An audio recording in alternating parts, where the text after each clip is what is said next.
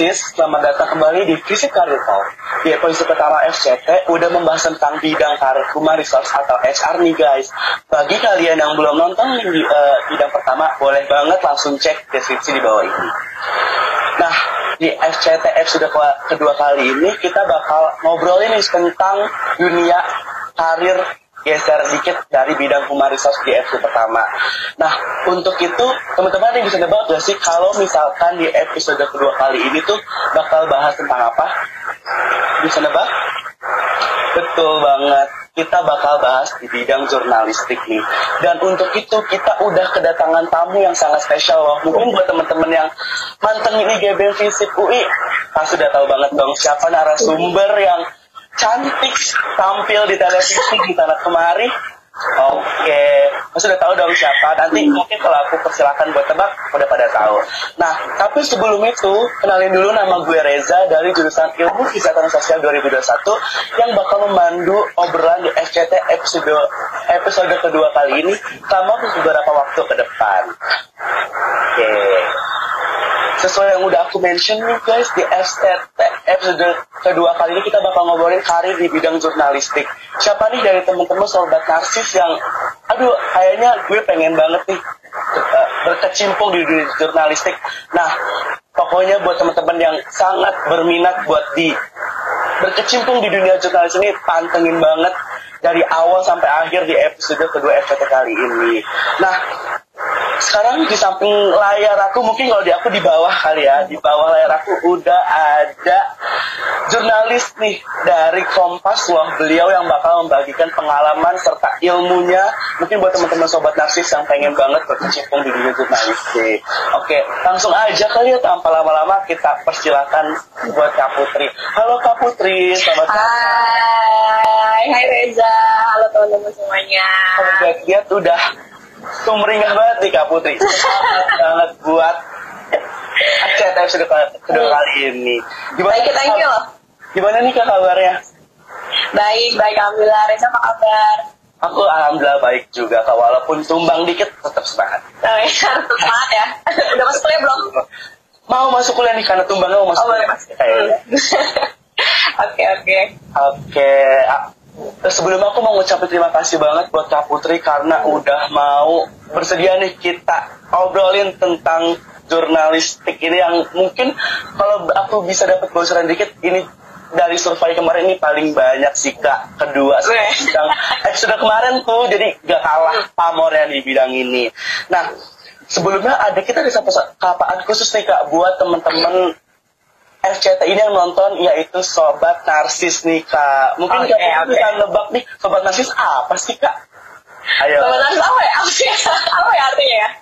Nah, kalau Oke, kalau sobat narsis itu eh, sobat narsis itu singkatan dari ngobrol asik bareng narasumber X. Oh, Oke, okay. siap siap siap. Berarti kakak termasuk narasumber eksis ya karena Oh thank you loh Karena ada di episode kali ini Nah, walaupun aku yakin sobat narsis pasti udah pada tahu nih siapa kapten, ya siapa sih yang nggak tahu. Pada punya TV kan di rumah kayak, kayak nggak asing narasumbernya. Karena beliau udah sangat sering nih tampil di televisi. Tapi aku bakal kenalin lagi nih, biar sobat hmm. narsis makin kenal sama siapa sih Kak Putri ini. Oke. Kak Putri ini memulai pendidikannya sebagai mahasiswa ilmu politik Universitas Indonesia angkatan 2013 nih guys. Dan setelah menyelesaikan gelas sarjana di tahun 2017 lalu, beliau melangkah jejak karirnya dengan menjadi news reporter di PT Indosiar Visual Mandiri selama kurang lebih 7 bulan. Setelah itu beliau bekerja sebagai news reporter di PT Cipta Pak Mega Suara Televisi yaitu Kompas TV yang mungkin teman-teman tahunya Kompas TV sampai sekarang.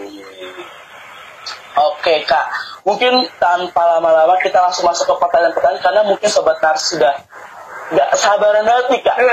Tanyain sama.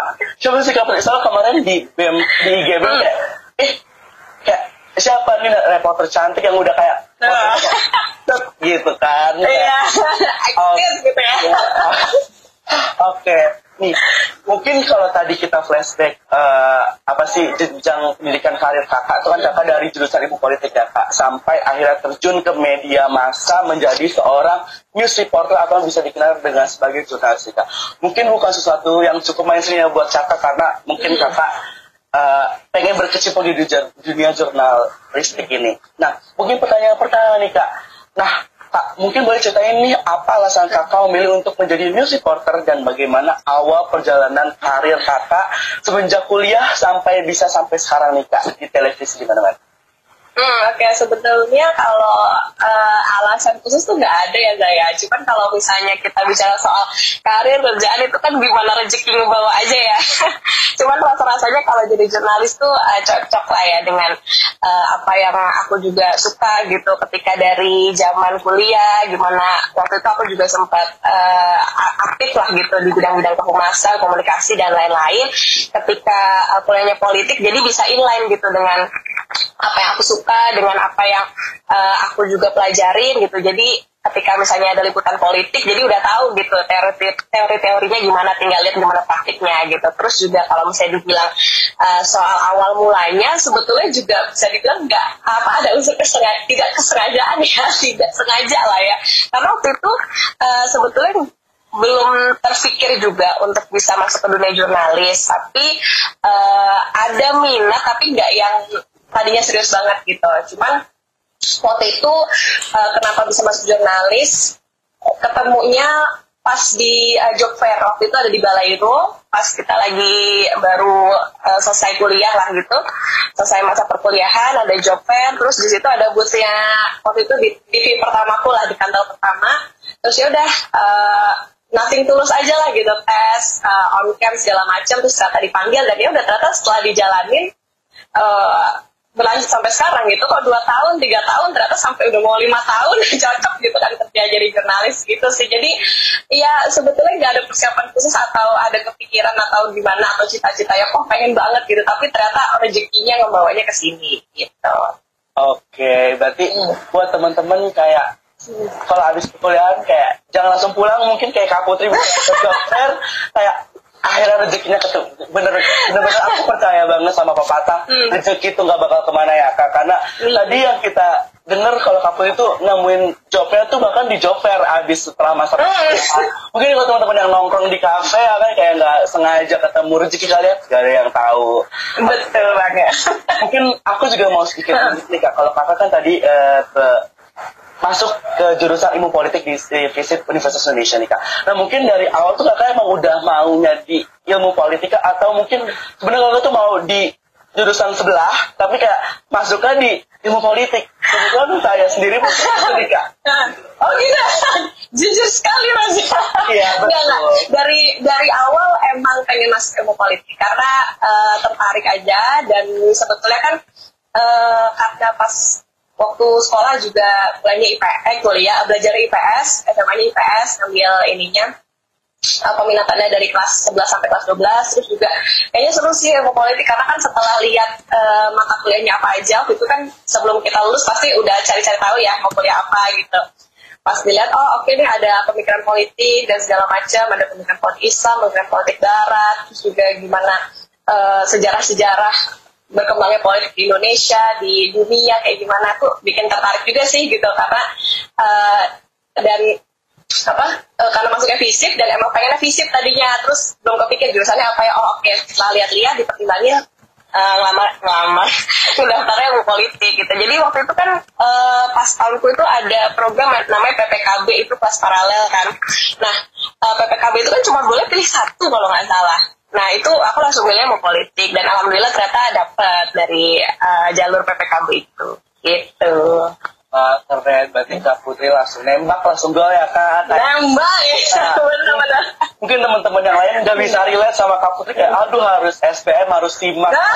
akhir ya kan. Tapi mungkin kalau ikut SBM belum tentu dapat kali. Susah masuk di situ. Keren-keren yang ikut SBM ikut sebenarnya semua jalur pasti keren ya karena dari sekolah pun juga kan harus dapat nilai yang bagus gitu buat dapat undangan. Tapi kalau ikut simak ikut SBM waduh belum tentu aku bisa dapet sih kalau gitu. Tapi mager bimbelnya. Iya betul banget. Ya kebetulan saya bimbel. Wow hmm. gitu. Dan kalau kakak jawab uh, berarti kakak yakin tuh pas itu mau masuk ke ilmu politik? Hmm, pede aja sih lebih tepatnya. Seperti bener aku juga percaya kalau Tuhan tuh suka dengan orang pede, makanya kamu ini garis ilmu politik langsung nih. Oh, Oke, okay. mungkin masih berhubungan sama yang tadi ya kak, kalau misalkan kakak tuh uh, dari awal seperti uh, kayak gimana buat terjun di bidang jurnalistik. Nah, so, pertanyaan selanjutnya gimana sih kan kalau kita lihat nih kak, kalau seorang jurnalis, new, uh, news reporter berdiri di depan kamera harus punya personal branding nih kak, kayak personal branding yang kayak oke okay, uh, kalau ngeliat kaput itu ya udah kayak just uh, biduan kaputri ini gak ada yang lain gitu. Nah, awalnya itu gimana sih kak? Uh, personal branding yang kakak bangun buat bisa ada di bidang jurnalistik sekarang? Hmm, oke. Okay.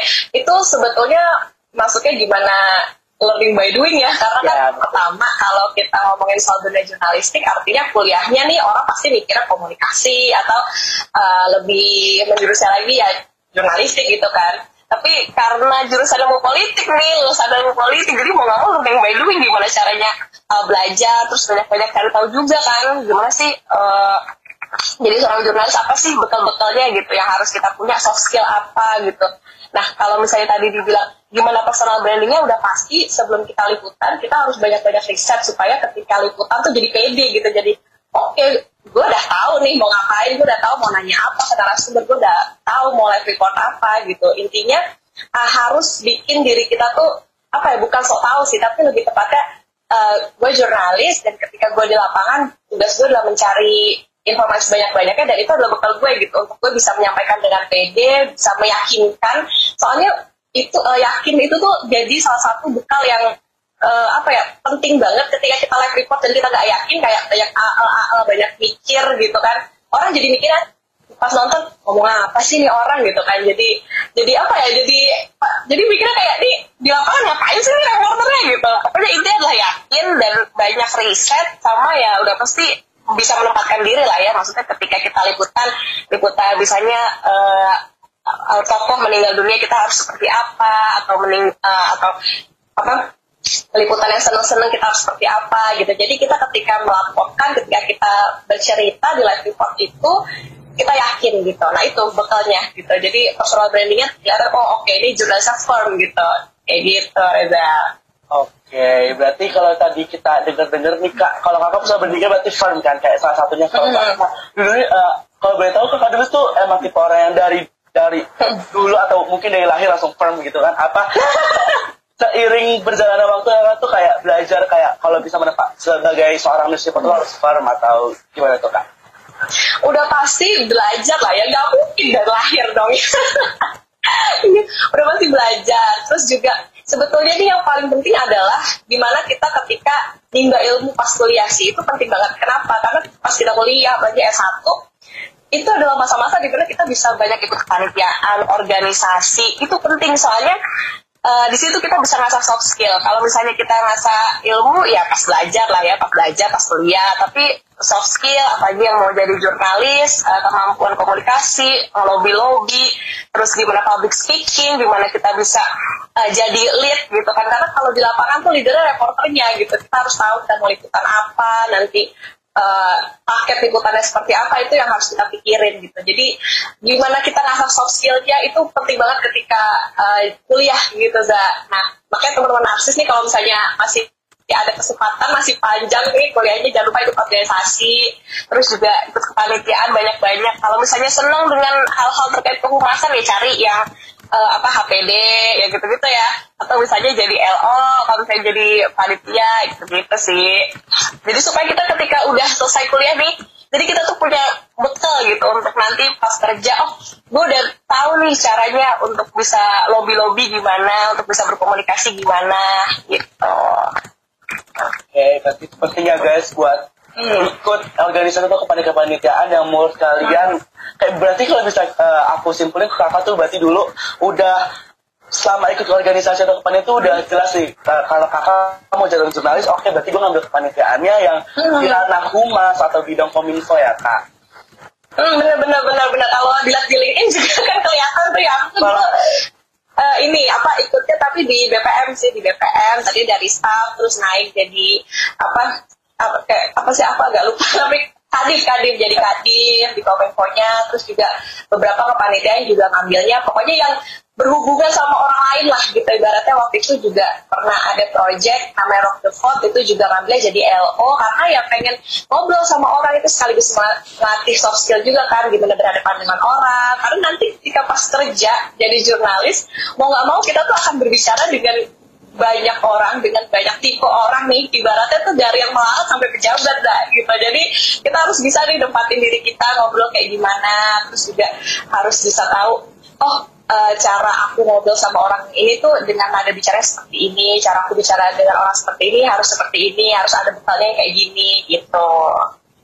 Oke, berarti keren banget. Mungkin ini bisa jadi insight buat teman-teman narsis ya kak, kayak buat teman-teman narsis kayak yang nggak apa-apa gitu, walaupun tadi mungkin kak Putri bun dari ilmu politik kayak yang nggak masalah mau lu dari jurusan apa pun bisa gitu loh sebagai seorang jurnalis. Soft soft skill yang bisa ditempatin di tempat lain. Oke, okay, mungkin kalau kakak tadi bilang kakak dari ilmu politik nih menjadi seorang jurnalis dulu kakak sempat kepikiran jiper nggak sih kak? Atau kayak aduh bisa nggak ya? Kalau gue sama anak ilmu komunikasi mungkin cara teoritis atau segala teori oh pusing gitu mereka udah lebih hmm. uni dibandingkan kakak. Dulu kakak sempat ngerasa jiper atau ngerasa pesimis duluan nggak apakah kakak pede aja gitu? Hmm, sebenarnya sih nggak jiper jiper banget ya karena uh, tadi karena udah kebiasa juga uh, soft skillnya keasah gitu ibaratnya pas kuliah. Jadi udah punya bekal sedikit banyak gitu. Jadi tinggal uh, banyak lagi juga banyak pokoknya intinya adaptif aja sih. Banyak uh, adaptif. Jadi ketika kita masuk kerja nanya-nanya nih apa sih yang dibutuhkan gitu untuk bisa jadi seorang jurnalis? Apa sih kemampuannya? Ya itu tadi public speaking nulis berita terus kita juga harus tahu gimana menentukan angle news judgment kayak gitu-gitu. Jadi ya learning by doing itu gitu. Tapi tetap uh, kalaupun misalnya ngerasa nih aduh uh, sebenarnya inline gak sih dari jurusan kuliah ke pekerjaan ini? Nah tapi diyakinin waktu itu sama uh, eh, HR-nya dibilang kalau jadi jurnalis tuh karena kita ngambil dari apa semua jurusan jadi sebetulnya bisa gimana kamu passion apa enggak aja gitu. Jadi tanyain ke diri sendiri dulu passion gak sih gue? Gitu untuk jadi jurnalis untuk bisa jadi jurnalis gue mau belajar gak sih? Gitu. Karena kalau bahkan temanku tuh ada yang lulusan kedokteran ada yang lulusan uh, fakultas teknik tapi ketika di lapangan ya sama-sama aja gitu. Jadi emang gimana kita mau belajar atau mau adaptif aja sih urusan ilmu kan bisa uh, dibilang itu jadi support kita aja. Jadi ketika kita kayak tadi tuh misalnya aku uh, lulusan ilmu politik ketika misalnya liputan pemilu gitu jadi aku udah tahu ilmunya tentang politik seperti apa tapi tinggal gimana caranya kita membawa itu jadi live report jadi naskah nah itu yang harus diadaptasi gitu ketika masuk kerja gitu. Gak ada alasan jiper-jiper ya. Berarti PD adalah kunci ya kak. PD adalah kunci. Belaga gila aja saya gitu kan. Wah mungkin bisa jadi teman-teman kayak walaupun jiper belaga gila itu penting. Belaga gila. Karena eh lulusan uh, Universitas Indonesia tuh aduh itu dipandang lah gitu ya. Sama orang-orang. Jadi jangan sampai kita tuh jadi jiper gitu. Padahal Maksudnya gue tuh lulusan UI coy, Universitas Indonesia Kampus yang membawa nama negara ini Masa gue jiper sih di dunia kerja ketika gue udah masuk? Artinya kan berarti uh, sekantor tuh udah mempercayakan gue gitu ya. Gimana kita belajarnya aja gitu Untuk membuktikan gitu. Oke, berarti bener gak guys? Jangan jiper-jiper hmm. Putri. Nggak bisa, bisa, nggak bisa, bisa. Bisa, harus bisa Oke, itu penting ya guys, personal branding, firm, percaya diri, belaga gila mungkin dari kamu. Belaga gila. Tambahan. Oke, kalau tadi uh, kita udah bahas personal branding nih kak, terus uh, ilmu dari awal kakak berbincang kali jurnalistik, sekarang pengen tahu sih kak, kalau kita sebelum masukin uh, masuk ke bidang lebih spesifik di jurnalistik tuh kalau kakak tuh dulu sebenarnya seorang jurnalis apa ya sih kak? Apakah kita cuma ngomong depan kamera, jalan-jalan mungkin orang yang awal mungkin kayak, enak hmm. jadi news reporter jalan-jalan coy kayak gitu kapan hmm. lagi? Kalau oh, sudah pasti tidak ya. nah, kakak tuh gimana sih? Mungkin kita bisa hmm. lihat POV dari seorang news reporter aslinya nih. Hmm, oke. Okay Iya, bisa dibilang enak ya enak ya sebetulnya kerjaannya. Kalau bisa dibilang jalan-jalan ya iya benar jalan-jalan. Karena kan kita nggak di kantor kan, kebanyakan kita di jalan gitu. Ke kantor cuma ngambil alat liputan, terus udah diantar ke tempat liputan. Nah itu baru kita kerja di kantor orang gitu ibaratnya. tapi tuh uh, udah pasti ketika kita mau liputan kan udah ada nih maksudnya dikasih uh, nanti liputannya ke sini sini sini gitu misalnya ke DPR nah udah tuh langsung riset segala macam isu apa nih yang bisa kita tanyain ke anggota dewan, isu apa nih yang lagi berkembang di DPR, isu apa nih yang nantinya mau dibawa misalnya di prolegnas atau uh, nanti isu yang mau dibawa ke rapat paripurna kayak gitu. Itu harus tahu tuh. Jadi ketika kita udah nyampe nih langsung aduh tadi hasil riset gue ini, gue akan tanya ini, uh, cari narasumber, terus wawancara, bikin naskah, live report segala macem ya itulah. Jadi sebetulnya kerjanya nggak cuma jalan-jalan ya tapi juga riset. Kita juga harus bisa mendekati ibaratnya mendekati itu lobby-lobby ke narasumber supaya mau kita wawancara. Terus juga uh, harus bisa gimana caranya kita. Kan info banyak banget nih ya. Kalau ketika kita wawancara kan kita nggak mungkin cuma nanya satu pertanyaan dong.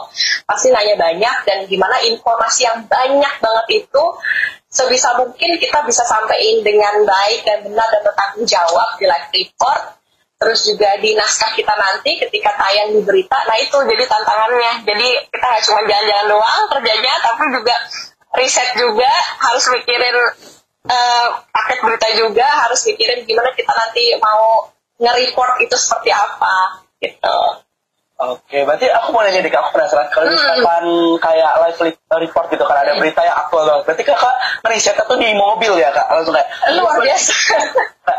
riset, mikirin riset belum. Acak kan kakak nggak mungkin nggak kalau di kamera kak. Benar benar benar jadi itu hmm. boleh? Jadi itu uh, misalnya plottingan udah keluar dari malam itu mungkin liputan yang enak lah ya ibaratnya udah kita tahu mau ke mana gitu. Jadi bisa risetnya dari malam atau misalnya pas sebelum berangkat ke tempat liputan kayak gitu. Bisa tuh risetnya kan jadi apa aja sih nih perkembangan si isunya kayak gimana? Terus juga bikin pertanyaan nanti yang mau ditanya kayak apa gitu. Terus juga aduh abis kita riset nih di pas udah nyampe belum tentu nih uh, kita akan sesuai sama apa yang kita riset gitu. Kadang juga teman-teman yang lain di lapangan kalau misalnya kita ngobrol ah lo mau nanya apa? gitu gitu kan. Itu juga waduh itu tentang apa ya? Riset lagi gitu. Jadi benar-benar riset riset riset lagi gitu. Karena informasi yang mau kita sampaikan ini kan harus bertanggung jawab kan. Ibaratnya itu akan dilihat orang itu akan didengar orang. Jangan sampai salah lah harus jadi uh, sumber yang terpercaya lah gitu ibaratnya. Jadi habis itu harus bisa itu tadi uh, bagi waktu juga pas kita mau uh, live tiba-tiba telepon ayo lagi sekarang. Wah gimana nih? Harus pacak dulu pakai lipstick budak segala macam pokoknya nggak boleh kelihatan stres nggak boleh kelihatan pusing harus tetap kelihatan firm harus kelihatan siap aja gitu bisa jadi uh, tantangan pas kerjanya tuh kayak gitu berarti kalau bisa hmm. aku apa sih ringkas berarti kalau hmm so, uh, bekerja sebagai seorang news reporter tuh challenging ya kak kayak kayak biasa. aduh riset lah segala macam hmm. belum tacap apalagi nggak mungkin kan kak kayak susah nggak sih kak hmm. mungkin gini mobil live report kan nggak mungkin lama kan kalau mau ngejar berita tuh harus duluan gitu kayak hmm. capek. Udah belum bedaknya nah.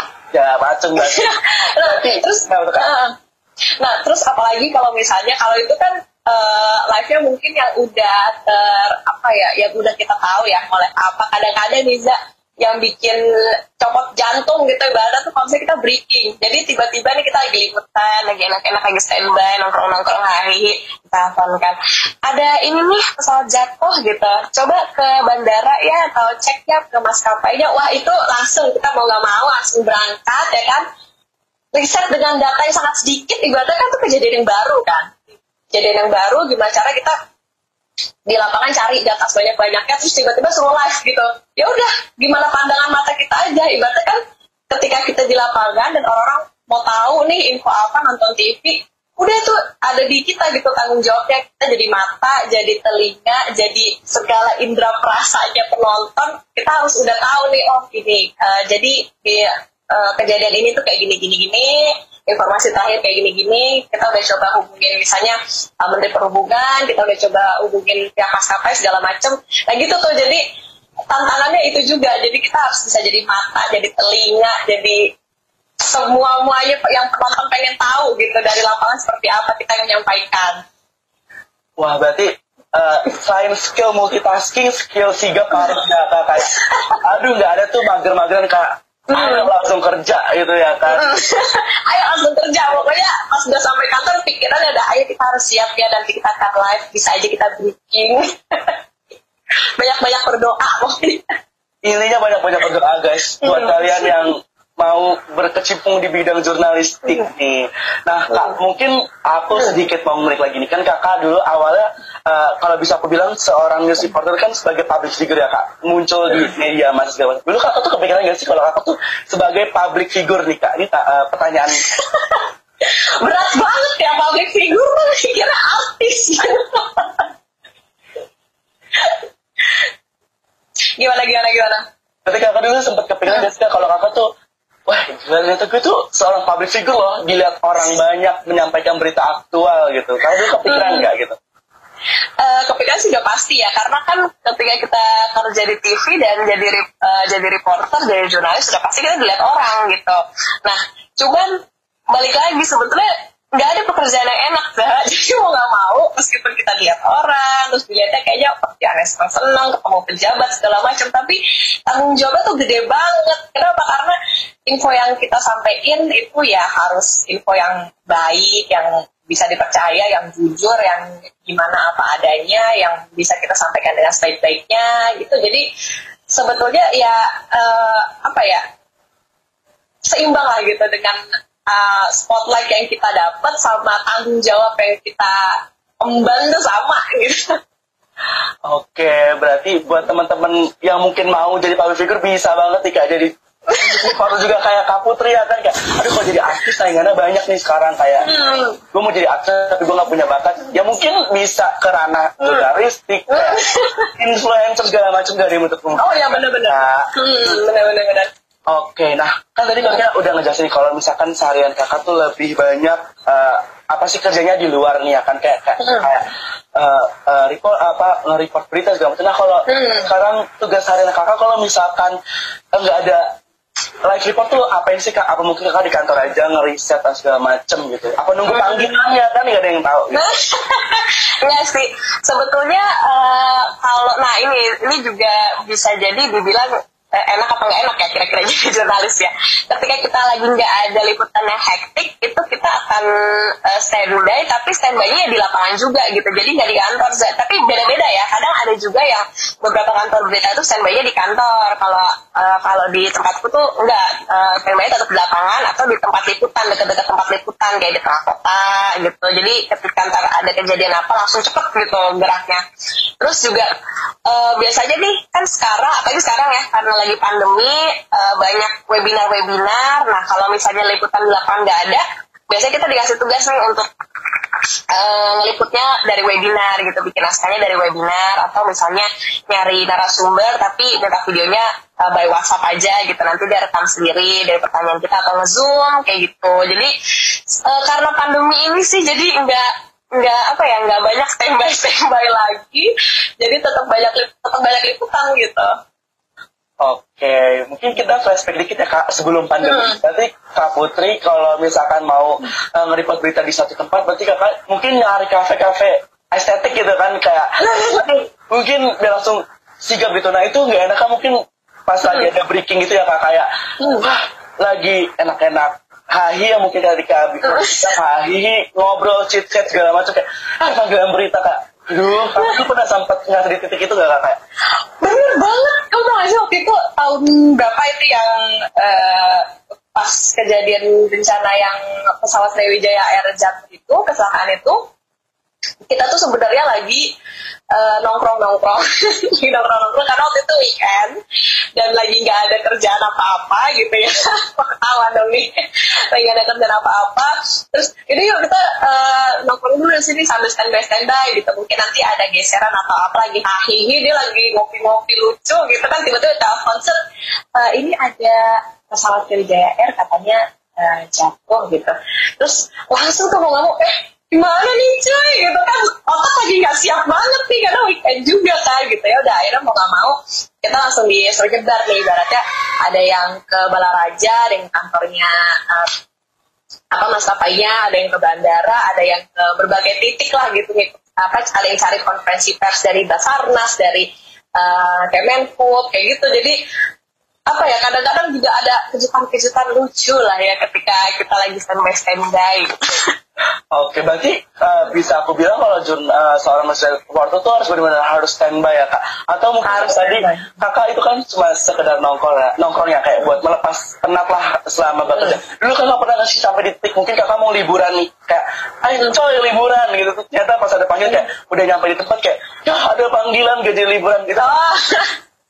nah kalau uh, aku pribadi alhamdulillah tidak pernah ya karena kalau kantorku tuh sangat ibaratnya menghargai libur lah gitu. Ketika kita cuti ketika kita libur sebisa mungkin akan dicari siapa yang lagi on duty atau uh, apa emang lagi di lapangan lah lagi. Jadi memaksimalkan diri ada di lapangan gitu. Jadi uh, sangat jarang sih. Tapi kalau pengalaman teman-teman yang lain sih ada yang kayak gitu ya. Jadi mau cut lagi mau cuti nih lagi mau berangkat tiba-tiba telepon ada ini nih butuh tim gitu. Nah makanya ini mungkin jadi salah satu pertimbangan juga nih kalau misalnya mau berkarir jadi jurnalis itu harus mempertimbangkan juga kalau kerjanya tuh nggak yang 9 to 5 nggak yang kerjanya bisa apa ya uh, kita udah tahu gitu uh, oke okay, kita berangkat jam segini pulang jam segini atau uh, kita benar-benar bisa libur dengan tenang aman dan nyaman gitu. Kadang-kadang nggak juga gitu kan. Makanya itu harus jadi pertimbangan juga sih ketika mau berkarir dan uh, apa ya bisa dibilang kan katanya jurnalis nggak pernah libur ya tapi uh, alhamdulillah juga uh, kalau di kantorku sih kalau saya libur ya libur gitu kalau saya cuti ya cuti. Tapi harus siap-siap tuh kalau misalnya apalagi kosannya deket ya kan deket-deket kantor tempat tinggal deket-deket kantor terus butuh tim yang bener-bener banyak urgent ya harus siap terima calling mau nggak mau Berarti itu sebagai satu uh, responsibility ya kak sebagai seorang news reporter. Oke. Okay. Benar-benar. Mungkin bisa tuh guys teman-teman uh, uh, teman-teman yang sobat yang pengen banget kerjaan sigap jadi jurnalis aja sigap banget pokoknya ya oke tadi kan kita udah bahas nih kak keseharian kakak awal murah kayak gimana sekarang kita uh, kulik-kulik dikit buat Kak Putri semakin dalam nih dari CV nih Kak. Nah, sebagai news reporter mungkin di, uh, di CV Kakak ditulis nih Kak, kalau Kakak pernah melakukan dua tipe penyiaran ya Kak. Uh, ada reporting biasa dan in-depth reporting. Nah, itu bedanya apa sih Kak? Hmm. Kalau liputan biasa tuh kayak yang tadi aku bilang ya, misalnya kita kayak cuman uh, ya biasalah, ibaratnya kayak liputan tempat kebakaran gitu misalnya ya. Itu kan peristiwa yang baru dan uh, kita harus cuman apa ya ibaratnya ke lokasi meliput uh, wawancara segala macam live report terus selesai gitu. Jadi nanti gimana uh, perkembangannya bisa dikabarinnya uh, dua hari ke depan tiga hari ke depan gitu. Nah tapi kalau misalnya indep itu lebih dalam lagi gitu ibaratnya peristiwa yang udah selesai tapi kita tuh mau menjawab soal kronologi seperti apa dan orang-orang tuh harus tahu uh, ke semua peristiwa itu dalam waktu yang sempit gitu. Ibaratnya kita cuma ngasih paket beritanya tiga menit empat menit tapi udah mencakup semuanya. Nah waktu itu uh, kalau di CV aku tuh juga itu yang aku bilang itu adalah yang ketika aku liputan uh, gelar perkara. Nah itu kan peristiwa yang udah selesai tuh peristiwa kriminal yang sudah selesai. Jadi di situ penelusuran tapi sifatnya uh, kita mau menjawab apa sih yang terjadi kronologinya seperti apa sih nah itu yang kita mau jawab jadi di satu paket liputan tuh udah semua mendalam gitu jadi bukan yang uh, berita yang apa kontinu tapi yang udah selesai dan uh, bisa kita kemas ke semua muanya itu dalam 3 sampai empat menit gitu ya Nah, kalau tadi kakak udah jelasin nih kayak hmm. uh, live reporting biasa sama indip. Nah, kakak tuh lebih suka yang mana sih kak? Apa kayak hmm. yang kontinu apa yang indip reporting ini? Nah, kalau aku pribadi lebih suka INEP ya, karena kalau INEP kan kita kerjainnya pertama uh, punya cukup waktu lah, ada waktu yang cukup banyak, jadi risetnya juga lebih dalam, terus juga banyak ketemu narasumber-narasumber juga, jadi kita terbiasa untuk berpikir uh, struktur gitu, jadi uh, oh kita akan mau cari pertama misalnya ini ya, uh, INEP soal waktu itu uh, ini pembunuhan gadis Baduy. Nah itu kan pertama kali kasus terjadi di Baduy. Nah eh, kita harus mikir deh, oh nanti kita akan cari polisi, uh, terus ketua adat di sana, terus masyarakat di sana, terus juga uh, tanggapan orang-orang seperti apa. Nah itu jadi terbiasa berpikir terstruktur, terus bikin naskahnya juga jadi kayak bercerita gitu. Nah terus ketika udah jadi, wah itu lega sih maksudnya. Wah ternyata uh, hasil penelusuran selama berhari-hari, karena waktu itu terjadi sekitar satu minggu, berhari-hari tetap bisa dinikmatin dan orang tahu secara utuh cuman dalam waktu misalnya lima menit. Gitu. Berarti uh, istilahnya kayak setelah melakukan penelusuran capek kayak aduh ini nggak kelar tapi akhirnya pas uh, udah selesai masakan itu kebayar ya kak penelusuran hmm, benar-benar satisfying gitu ya. Iya betul.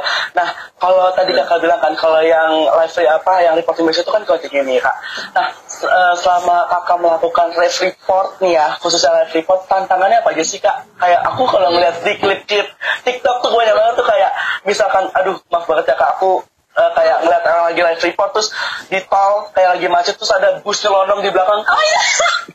Itu itu tiap lebaran itu tiap lebaran selalu viral gak sih akhirnya? Ya Allah serem banget ini. Orang mau live report diseruduk bus. Benar benar yang tadinya mau live report kalau kena dikit jadi diri Hmm. live report tuh orang report jadi dia ya yang Iya. ceritainnya. Kalau iya iya benar benar kakak tuh tantangannya apa sih kayak yang kakak pernah temuin gitu?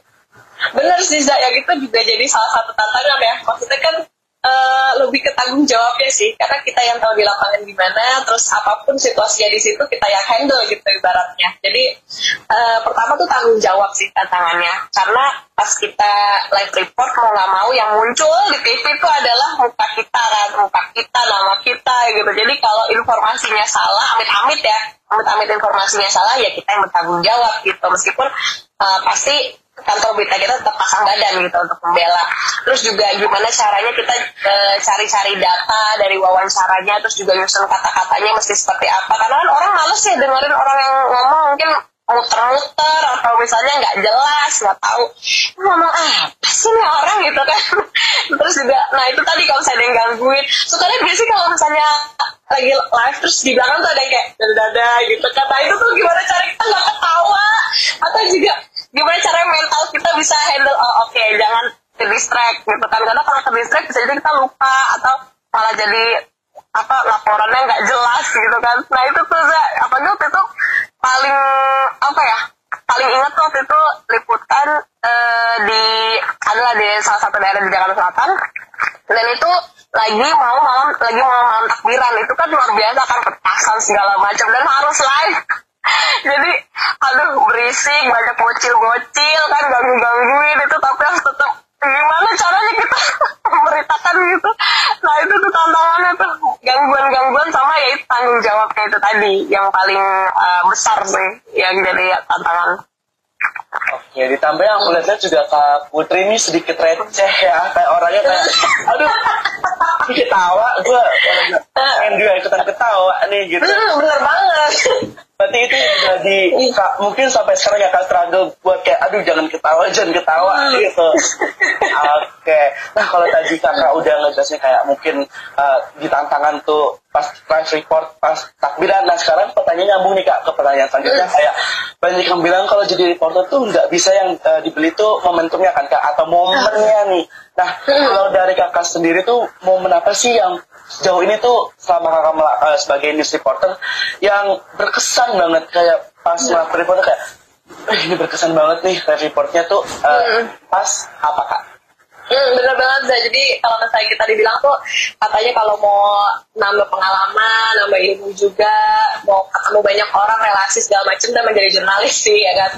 Eh, momen berkesan tuh sebenarnya banyak banget ya Zah. meskipun sebetulnya masih anak cilik lah gitu di dunia jurnalis baru mau menuju ke lima tahun. Eh, sebetulnya yang paling berkesan tuh udah pasti pemilu 2019 kemarin. Kalau teman-teman tahu kan juga itu eskalasi politik kan luar biasa. Maksudnya eh, ya ide- politik identitas terus juga gimana ibaratnya musuh-musuhannya gimana itu kan seru banget kan. Dan di situ juga ada kesempatan waktu itu ikut keliling juga ikut kampanye sama salah satu eh, calon wakil presiden dan di situ jadi bisa ngelihat oh ini loh yang aku pelajarin ketika kuliah ternyata praktiknya seperti ini gimana orang bisa kampanye gimana bisa narik eh, jadi pemilih itu kayak gimana gimana meyakinkan orang kayak gimana. Nah itu eh, luar biasa pengalamannya. Terus juga liputan bencana kok tadi eh, menurut aku yang paling berkesan tuh waktu pas masih anak baru lah gitu di Kompas TV itu waktu itu kejadiannya bencananya pesawat Lion Air jatuh dan di situ aku ke tengah laut ikut sama Polairut gitu kan di situasi mabok laut luar biasa kan itu naik kapal gonjang kancing gitu. Meskipun kapal besar tapi tetap mabuk laut ya. Ternyata itu harus tetap gimana ya harus tetap ya mau nggak mau harus tetap kerja gitu. Harus wawancara harus juga melaporkan apa uh, situasi yang ada di situ apa penemuan-penemuan dari kapal itu.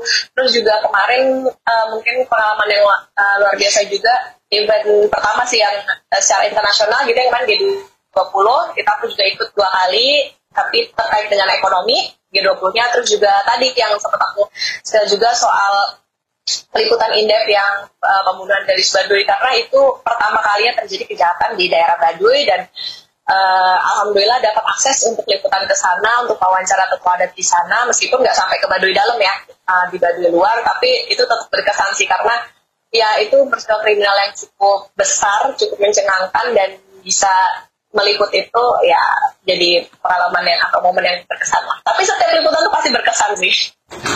Oke, berarti uh, momen-momen itu tuh selalu didapetin yang kayak berkesannya gitu selama menjadi live report. Nah ternyata tuh menjadi yang aku dengar ya kak yang dari kakak ceritain tuh menjadi seorang jurnalis tuh uh, seru ya kak kayak aduh ada aja nih kayak tantangan-tantangan baru nih.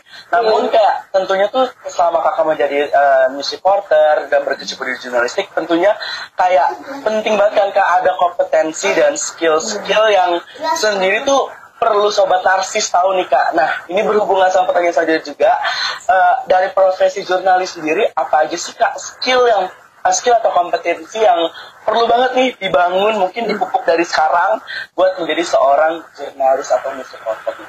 Hmm, dipupuk supaya tumbuh ya saya. Iya betul.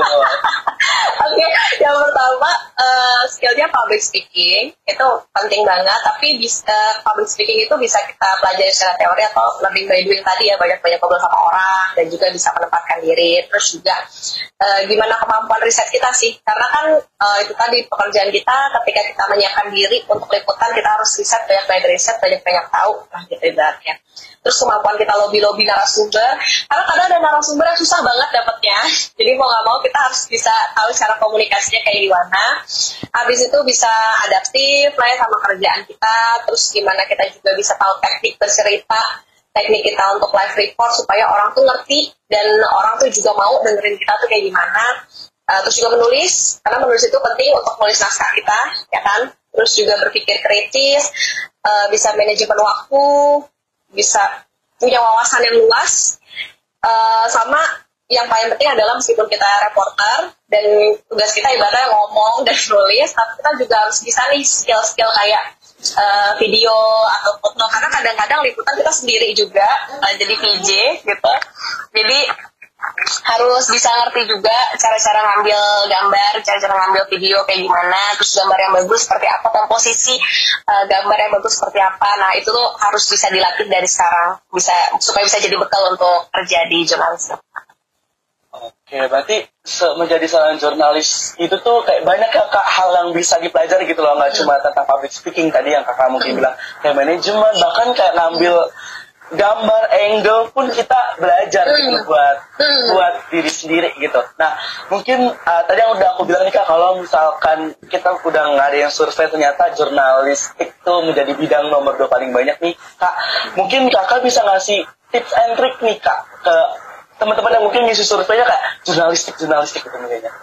Oke, okay, yang pasti sih pertama uh, tipsnya persiapin dulu tuh skill-skill tadi udah disebutin. Ibaratnya kita juga harus bisa melatih itu ya tadi ikut organisasi ikut panitiaan itu penting banget. Jadi uh, ketika kita emang minatnya di hal-hal yang berbau komunikasi ya cari yang uh, di divisi yang itu gitu kan. Jadi bisa terpupuk lah gitu ya untuk nantinya bisa jadi bekal. Terus juga kita harus siap nih dengan uh, ritme kerja yang ibarat tuh nggak menentu. Kadang ya hektik banget kadang juga uh, standby standby juga kayak gitu. Terus juga harus terbiasa dengan kerja tuh nggak yang 9 to 5 dan uh, intinya harus yakinin sih sama diri sendiri mau nggak bener gak sih gitu mau jadi jurnalis bener gak sih aku tuh mau belajar apalagi buat teman-teman yang uh, jurusannya itu ternyata bukan komunikasi gitu kan uh, harus bener-bener ditanya sih sama diri sendiri bener gak sih pengen jadi jurnalis bener gak sih aku akan siap gitu dengan tantangan-tantangan dengan kerja di lapangan kena matahari kena polusi debu segala macam itu harus uh, bisa sih diyakini ke diri sendiri. Di samping kita juga tadi melatih soft skill sama juga banyak-banyak cari ilmu lah ketika kita kuliah karena ilmu itu bakal kepake karena liputan tuh kan banyak banget mau jurusannya uh, sosiologi, mau jurusan kesejahteraan sosial, mau jurusannya itu antropologi itu nanti pasti akan uh, nemu lah gitu ada liputan-liputan yang inline gitu sama jurusan kita.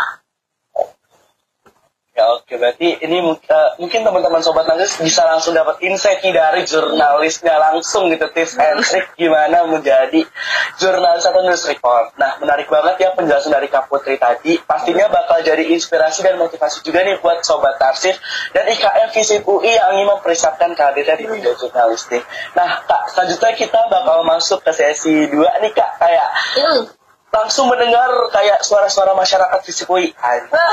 Bahasa bahasanya udah kayak bahasanya udah kayak ini banget ya, fisik banget. Uh. eh, nah setelah aku uh, banyak uh. ini sama Kak Putri, kita bakal masuk ke sesi Q and answer untuk membaca pertanyaan-pertanyaan sobat najis yang udah ditaruh di BEM fisik kemarin nih kak kalau kakak uh, Oke. Okay. tahu. Nah, uh. nah sekarang udah ada tiga pertanyaan terpilih nih kak yang aku tanyakan hmm. langsung ke kak Putri. Nah langsung aja ke pertanyaan kak ini dari username Samless kak apa sih suka dukanya menjadi seorang reporter? Suka. Waduh, aduh ini pertanyaan sering dan sangat-sangat sering ditanya soal suka duka ya. Sukanya tuh udah pasti. Mungkin tadi juga udah disebutin ya soal bisa ketemu banyak orang bisa membangun relasi. Karena kadang-kadang tuh ketika kita udah lepas kerja jadi, jadi jurnalis bisa jadi kita dapat kerjanya dari narasumber-narasumber kita gitu kan. Terus tadi Za bisa ketemu sama Eh, orang-orang uh, dengan berbagai latar belakang yang mungkin kalau orang lain nih cuma bisa lihat dari TV gitu. Ibaratnya uh, orang lain cuma bisa lihat Pak Presiden Jokowi tapi kita bisa ketemu langsung kita ada kesempatan untuk ngobrol langsung gitu. Nah itu sangat-sangat terbuka. Terus juga uh, kita kerja juga nggak yang apa ya pokoknya ini enak sih buat orang-orang yang nggak suka kerja uh, back office gitu. Nah ini enak uh, jadi suka lah ya. Jadi bagian sukanya. Terus juga bisa dapat jalan-jalan gratis. Ibaratnya kayak aku liputan ke apa G20 itu kan ke Bali. Kita bisa ke Bali gratis bisa curi-curi uh, apa healing-healing kecil lah.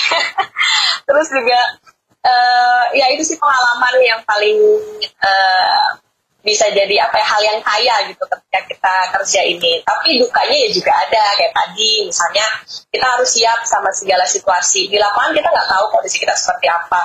Uh, pun juga ketika kita liputan uh, taruhannya nggak cuma gimana kredibilitas kita tapi juga bisa jadi nyawa ya kayak tadi kan bisa aja kita amit-amit gitu lagi live report terus seruduk bus gitu amit-amit ya tapi ya kayak gitu. Terus juga gimana uh, tanggung jawab yang sangat besar ketika kita uh, liputan, ketika kita live report, kita nggak cuma membawa nama kita aja, tapi di atas ini kan ada tulisannya nih, kantor beritanya apa nih, stasiun TV-nya apa, nah itu juga yang kita bawa, terus juga kita gimana kita ketemu narasumber, uh, branding kita tuh adalah oh ini wartawannya ini gitu, ini wartawannya Kompas, ini wartawannya Antara, ini wartawannya Indosiar gitu misalnya itu juga yang uh, akan dinilai oleh orang gitu. Jadi ya sukanya ada, dukanya juga ada. Setiap pekerjaan kan seperti itu, tapi ya gimana kita pinter-pinter mau memilih aja mana yang lebih banyak sukanya, apa lebih banyak dukanya. Tapi kalau jadi jurnalis itu uh, seimbang sih suka dukanya. Oke, mungkin terjawab tuh ya pertanyaan suka hmm. dukanya sebenarnya nih kayak pertanyaan di bidang apa pun pasti ada ditanya suka hmm. duka benar nggak cuma ditanya nah pertanyaan kedua nih kak ini juga paling banyak ditanyakan di question box kemarin dari Karaf Karilo kita pilih dari Karaf aja ya apakah hmm. benar menjadi seorang reporter tuh harus good looking nih kak oh.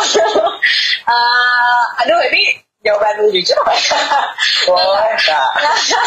Gini, Zah, sebetulnya uh, kalau misalnya bicara soal good looking itu kan kalau kita nonton TV nih mau nggak mau kita pengen lihatnya tuh selain yang dia firm, yang dia oke, okay, tapi juga secara penampilan bagus lah ya gitu. Berarti kita nggak mesti ganteng, nggak mesti cantik, tapi kita rapi, kita uh, bersih gitu dan kita di apa di TV juga kelihatan oke okay dengan uh, pelaporan kita yang juga bagus, nah itu sebenarnya nilai plus sih. Nah, uh, alhamdulillahnya adalah di tempatku kerja saat ini sebetulnya bisa dibilang semua muka nggak ada style tertentu yang harus bisa apa ya bisa masuk. Jadi kriteria untuk jadi jurnalis di sini tuh harus cantik atau apa gitu. Enggak tapi semua semua muka. Yang penting kamu pinter yang mungkin bisa uh, memperlihatkan bahwa kita di lapangan itu fun kita bisa melakukan live report dengan baik nah itu bisa gitu. Karena sebetulnya uh, hakikatnya jadi jurnalis itu jadi jurnalis apa di TV ya kita bisa memberitakan dengan baik kita bisa memberitakan dengan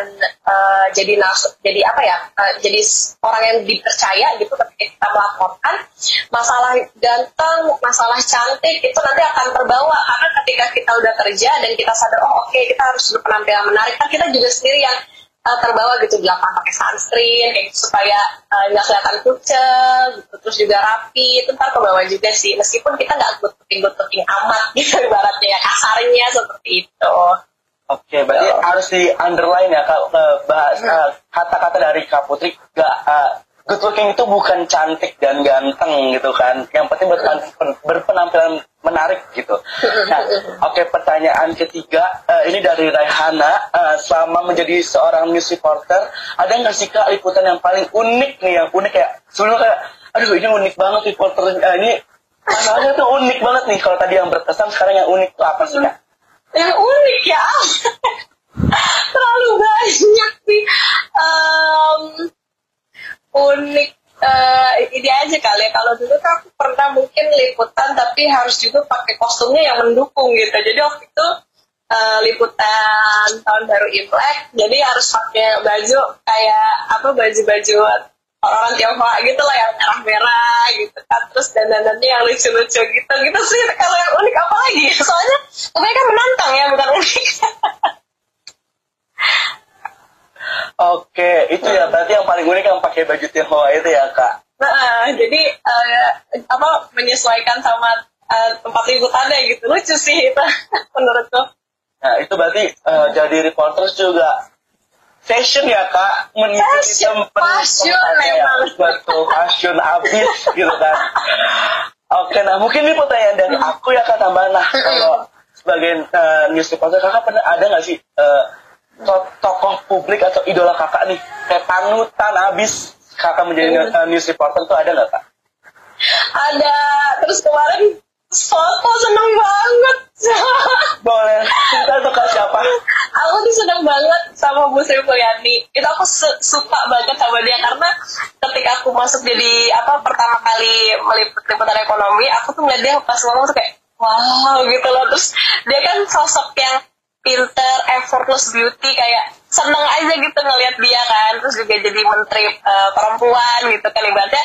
Jadi kita tuh punya uh, harapan gitu kayak oh perempuan tetap lo bisa jadi menteri yang sangat-sangat di apa dipertimbangkan gitu. Karena dia menteri keuangan gitu kan. Terus pas kemarin ketika liputan mungkin sebelumnya sering sih ketemu kan liputan-liputan ekonomi. Terus pas kemarin G20 uh, ketemu in person gitu terus bisa foto aja terharu banget itu seneng banget sih bisa ketemu sama sosok yang diidolain terus bisa ngobrol sedikit meskipun sedikit ya bisa ngobrol sedikit terus juga bisa foto itu memorable sih Oke, Bu Sri Mulyani ya kak. Mungkin kalau misalkan Bu, uh, Bu Sri Mulyani nonton ini, boleh nih kak? Iya.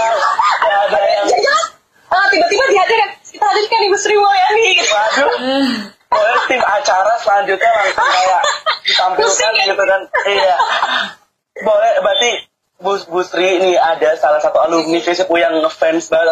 Aduh, sama... seneng banget satu alma mater kan kita sama jaket kuning gitu kan. Kali aja rezekinya juga nular ya. Amin, kita aminin sobat kartis. Penonton bisa sampai 500 an loh Pak. Jadi kayak Serius? Biasanya kan aku dengar kalau doa 40 orang itu bakal dijawabkan. Ini 500 pasti dijawab. Benar-benar berarti 10 kalinya lah ya, bisa lah ya, menembus langit gitu. Oke, kalau mau jadi kayak Bu uh, Mulyani, kakak mau jadi menteri apa nih kak? Pengen menteri apa ya? Uh, kayaknya kalau menteri keuangan jauhan ya, nggak punya ilmu basic ekonomi sih. menteri atas rezekinya aja. Oke. Okay. diplomatis banget jawabannya. itu atau diplomatis atau pasrah sih kan dengan kata rezekinya aja. Aduh, pertama-tama ingin jadi anggota dewan sih sebenarnya. Ih, boleh tuh kak. Gitu tuh ya kak kabarnya di CV kayak anggota dewan perwakilan rakyat Indonesia. amin amin. Oke, nah aku mau ngucapin terima kasih banyak nih Kak udah menjawab pertanyaan-pertanyaan dari Sobat Tarsis di kanal BMVC UI. Terima kasih juga buat Sobat-Sobat Tarsis yang udah antusias banget nih ditanyain sama Kak Putri di question box kemarin. Nah semoga jawaban Kak Putri bisa menjawab rasa penasaran kalian ya. Nah selanjutnya nih Kak, kita ada sesi ketiga yaitu sesi main game That. Nah, Wah, susah nggak nih? Nggak kayak simak UI kak, jadi tenang aja. Oh, oke. Oh, nggak pernah ikut simak, kebetulan dua sombong. Can relate ya kak, beberapa Can relate. jadi kayak, oh iya deh, aku takut nih ke counter yang langsung wow gitu. Oke, oke. Itu gimana tuh mainnya tuh? Oke, keseruan kita belum berakhir nih karena kita bakal masuk ke sesi bareng bersama narasumber kita. Nah, FCT udah bikin ikan nyusun game seru. Kita bakal main game This, This or That. Di game ini Kak Putri harus memilih pertanyaan secara cepat salah satu di antara dua pilihan yang akan diajukan oleh aku. Gimana Kak Putri, apakah udah siap? Ah, siap, siap, siap. Ah. Siap selalu lah ya. Oke.